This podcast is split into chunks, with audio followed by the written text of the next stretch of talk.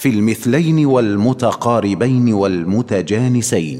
إن في الصفات والمخارج اتفق. حرفان فالمثلان فيهما أحق. وإن يكونا مخرجا تقاربا. وفي الصفات اختلفا يلقبا. متقاربين أو يكون اتفقا. في مخرج دون الصفات حققا.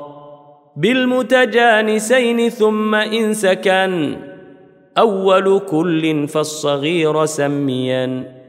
أو حرك الحرفان في كل فقل كل كبير وافهمنه بالمثل.